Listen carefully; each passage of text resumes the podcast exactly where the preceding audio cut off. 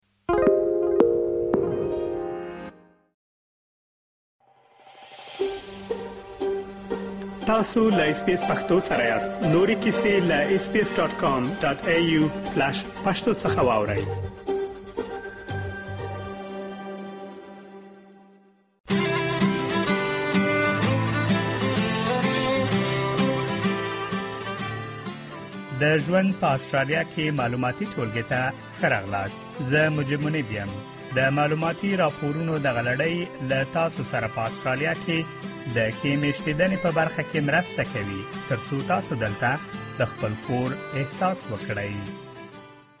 استرالیا په پرمختللې نړۍ کې د مهاجرت تر ټولو لوی پروګرام لري او هر کال تر یو سلو شپېتو زرو پورې ویزه د نړۍ د نورو هیوادونو اوسیدونکو ته ورکوي استرالیا ته د مهاجرت او سفر له سلو څخه زیات ویزې شتون لري چې په مختلفو کټګوریو ویشل شوي د بیلګې په توګه بشردوستانه فامیلی د تحصیل او د سیاحت یا سیل ویزه د نور هیوادونو د اوسیدونکو په څیر هر کال یو زیات شمیر افغانان هم استرالیا ته مهاجرت کوي افغانان ډیری استرالیا ته په بشردوستانه او فامیلی ویزو راځي ترڅو دلته خپل نوی ژوند پیل کړي د استرالیا په بشر دوستانه او مهاجرت پروګرام کې بیل بیلې ویزې شاملې دي دغه ویزې په دې پورې اړه لري چې تاسو له استرالیا څخه بهر یاست او یا هم استرالیا کې یاست چې د کلاس ایکس ای او کلاس ایکس بی په ډلو ویشل شوې دي په ملبون ښار کې د کډوالو چارو وکیل روخان اکبر وایي په ایکس بی کلاس کې د سب کلاس 200 201 202 او 204 ویزې شامل دي په دې کلاس ایکس بی کې چې د څلور سب کلاس راځي چې یوې کلاس 200 سب کلاس 200 دی چې هغه ته ریفیوجی سب کلاس وایي چې هغه څوک چې د یونیټ سیار طرف نه دغه ته معرفي شوی خپل ایمیګریشن ته باندې سب کلاس کې راځي بیا بل سب کلاس دی 201 ان کنټری هیومانیټیرین اسسټنس ورته وي یا پروګرام هغه کې هغه کسان چې اوس په مثال افغانستان کې څوک موجود دي دا سب کلاس 201 هغه د لپاره دا ویزه ور تخصیص کړې ده خو دا څو کلونو کې چې د 2001 کال نه په پر دې خوا دغه سب کلاس ویزه مخکې نه مو چوزي روان خو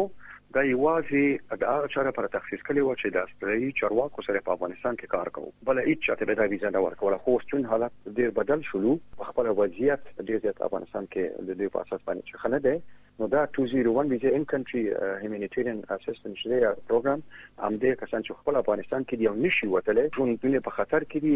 د افغانستان قبلي یو فکر کوم چې په اوسنی حالت کې ډیره توجه هم د 201 سب کلاس ته ده او به بل سب کلاس 202 دی چې هغه خپل ملک نه بهر وتی او په مشکلاتو کې او به بل دی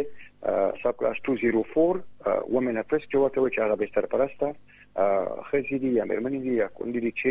مالونه د لاس نه ورکړي دي ښاغلی روښان وایي چې د ایکس بي کلاس د ټولو ویزو لپاره یوه فورمه ډکیږي چې 842 فورمه ورته وایي او کچېرې څوک دلته په استرالیا کې ولري چې پیشنهاد یا پروپوز یې کړي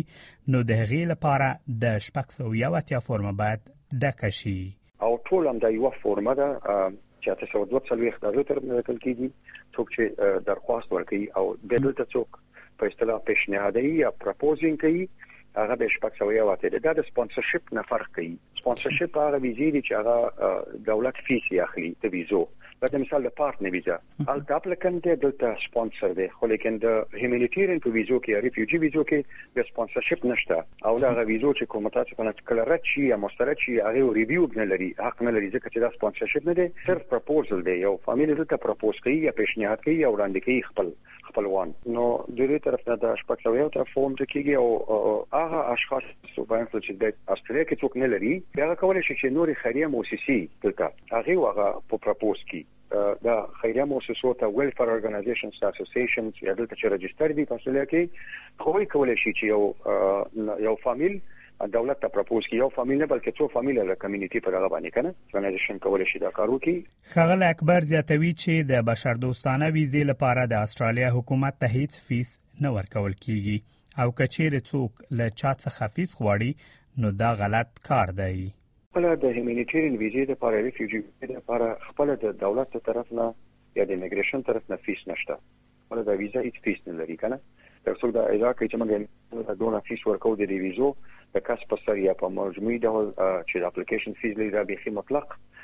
غلط کار کوي او دا دروغ دي ښاغلی اکبر همدارز وایي هغه کسان چې خلکو ته ضمانت کوي چې تاسو ته ویزه اخیستلی شي دا غلط کار دی نوموړی وایي چې د ویزو په اړه د استرالیا د کورنۍ چارو وزارت پریکړه نیسي او هیڅوک چاته ضمانت نشي کولای څوک په مثال یو وکیل یا څوک یو نفر ته ګارانټي ورکړي دا د ایمیګریشن د قانون په لحاظ باندې ډیر غلط کار دی دا سین دی او دا بلکې جرم ته چاته په ګارنټي باندې وځل راکار کومه دا صحیح نه دی او یا به ډېرې پیسې وغوښتنه وکړي چې و دا دونه پیسې راکړه زه به له زکار کوم نو دا هم صحیح نه دی یو چې زه په مثال د چارواکو سره پیژنم یا ارتباط لرم دا کار د لکول شمه عام دا غلط دی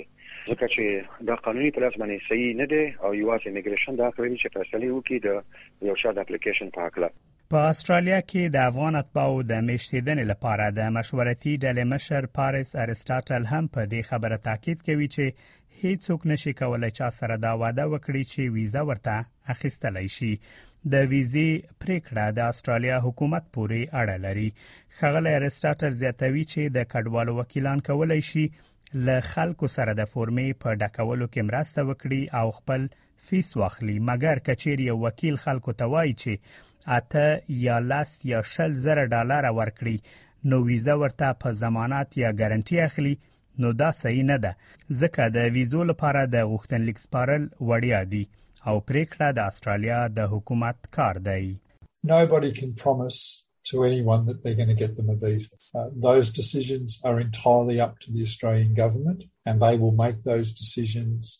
without the influence of a migration agent. Agents can help people prepare their applications. The one thing I would say is that if there are migration agents out there telling people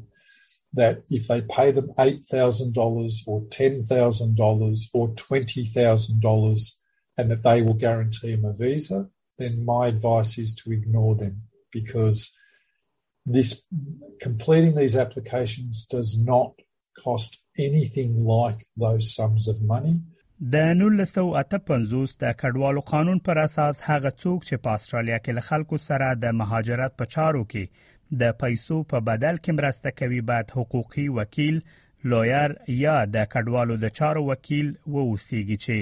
مایګریشن ایجنټ ورته په استرالیا کې وایي که چیرې تاسو غواړئ یو مایګریشن ایجنټ پیدا کړئ ترڅو تاسو کارونه پر مخ بوزي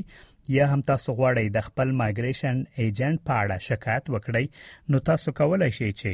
د مهاجرت استازو د ثبت ادارې یا مارا له وپاڼې څخه لیدنه وکړئ د افغانانو لپاره د بشردوستانه ویزو په اړه لا ډیر معلومات کولای شئ د کورنۍ چارو وزارت د کډوالو شورا یا ریفیوجی کونسل یا هم د پناه غوښتونکو د منابع مرکز له ویبپاڼې څخه ترلاسه کړئ د بشردوستانه ویزو په برخه کې د وړیا مرستې لپاره په وکټوریا ایالت کې له ریفیوجی لیګل سره په 03 490 دیارلس 0 شپږ شپږ شپېته شمیره په نیو ساوت ویلز ایالت کې له رکس ادارې سره په 02 درې اتیا پنځه پنځوس دوه اویا اووه ویشت شمېره او په لویدیځې استرالیا کې له ګرین سرکل سره په صفر اته یو شپېته اته څلوېښت شپږ دېرش شپږ دېرش شمېره په اړیکه کې شئ د استرالیا د روان کال د کډوالو په پروګرام کې یو سل شپېته زره دایمي ویزې هغو کسانو ته په پام کې نیول شوی چې غواړي په استرالیا کې دایمي ژوند وکړي د دغه ویزو له ډلې څخه شاوخوا 50 سلنه ویزې د استرالیا د اوسیدونکو د کورنۍ د غړو لپاره په پا پام کې نیول شوې دي شمیرې ښیي چې د 2021 او 2022 کلونو ترمنځ په مالی کال کې واویا زره او 300 ویزې د کورنۍ لپاره په پا پام کې نیول شوې دي د دغه ویزو په ډله کې 22000 او 300 د ژوند د شریک څلور زره او پنځه سوه د میندو او پلرونو او پنځه سوه ویزې د کورنیو د نورو غړو لپاره ځانګړې شوې دي د ویزا پلان ادارې وکیل جیمز بی وایي که چیرې یو شخص د استرالیا له اصلي یا دایمي اوسیدونکو یا اوسیدونکو سره واده وکړي یا اړیکې ولري نو کېدای شي د ویزې غوښتنه وکړي هغه وایي چې د پارټنر ویزې غوښتنلیک شاوخوا اووه زره او اته سوه ډالره لګښت لري، که چېرې څوک روغتیايي معاینه کوي نو درې سوه ډالره په هغه لګېږي. نوموړی په دې باور دی له هغې ورځې څخه چې غوښتنلیک سپارل کېږي تر هغې ورځې پورې چې شخص دایمي ویزه ترلاسه کوي شاوخوا درېیو نه تر څلورو کلونو پورې وخت نیسي.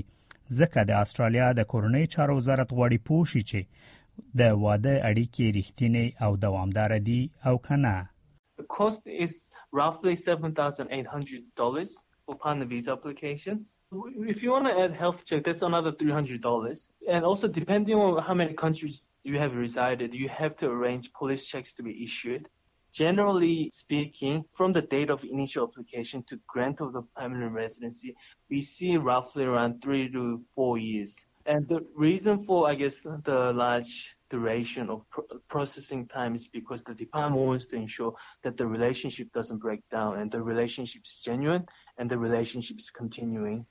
هغه کسان چې د خپل ژوند شریک نه بلکې خپل مور او پلار استرالیا ته راولي نو مهمه ده ترڅو په استرالیا کې د کورنۍ د غړو توازن پوره کړي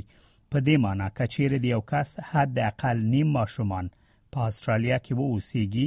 نو اولادونه یې کولای شي سپانسر کړي خغلې به وای چې د مایند او پلرونو راوستلو لپاره و ډول ویزه شته او ډیر عوامل په شمول دی عمر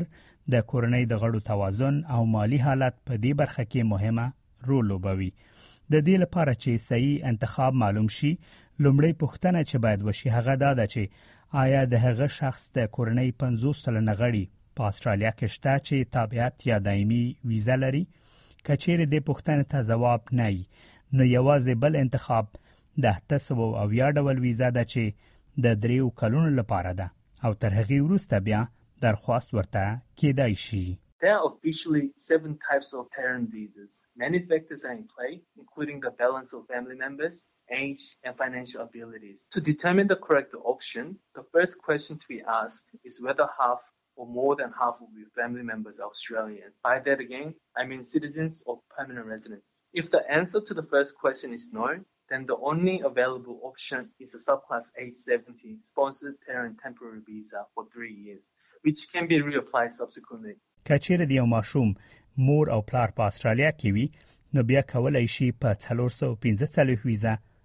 استرالیا ته راشي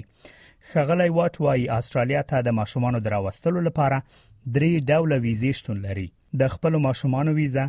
د یتیم ماشومان ویزه او د ماشومان د اډاپټ کولو ویزه هغه وای کچيري ماشوم ستاسو خپل ونه اوسيږي ناسکه ماشوم وینو د هغه دراوستلو لپاره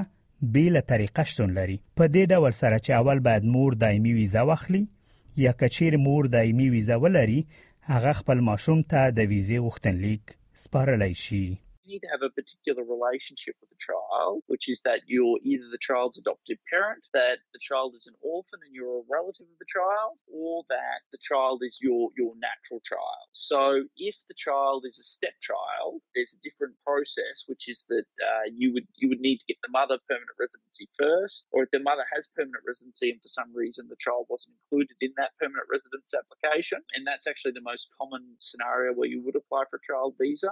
د استرالیا د کډوالو په پروګرام کې تر ټولو زیاتې ویزې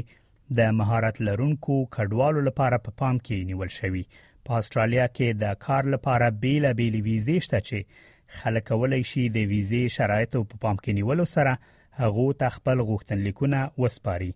د بیلګې په توګه یو سلو نه اتیا یو سلو نوي څلور سوه ویا او نوي ویزې ته د کار او مهارت ویزې په بیلا بیلو ډولونو ویشل شوي لکه لنډمهاله ویزې د درې یا پنځو کلونو او یا هم د یوې ویزې په استرالیا کې د دایمي ژوند لپاره د دې ترڅنګ تاسو کولای شئ استرالیا ته د لوړو زده کړو یا هم ټریننګ لپاره راشئ که چیرې تاسو غواړئ استرالیا ته د زده کړو لپاره راشئ نو د استرالیا په پوهنتونونو یا تعلیمي مرکزونو کې د زده کړو له چانس ترلاسه کولو وروسته تاسو کولای شئ د استرالیا ویزې لپاره خپل غوښتنلیک وسپارئ که چیرې تاسو غواړئ پوه شئ چې د استرالیا کومې ویزې ته په شرایطو برابر یاست او غوښتنلیک سپارلای شئ نو مهرباني وکړئ د استرالیا د کورنۍ چارو وزارت له ویب پاڼې څخه لیدنه وکړئ یا د کډوالو چارو یو وکیل پیدا کړئ او ورسره مشوره وکړئ ډیره زیاته مننه چې تاسو د غریپورت ته غوږ وای د ژوند په استرالیا کې لړۍ د نور راپورونو د اوریدلو لپاره مهرباني وکړئ ل sbs.com.au/pashto/lifeinaustralia څخه لیدنه وکړئ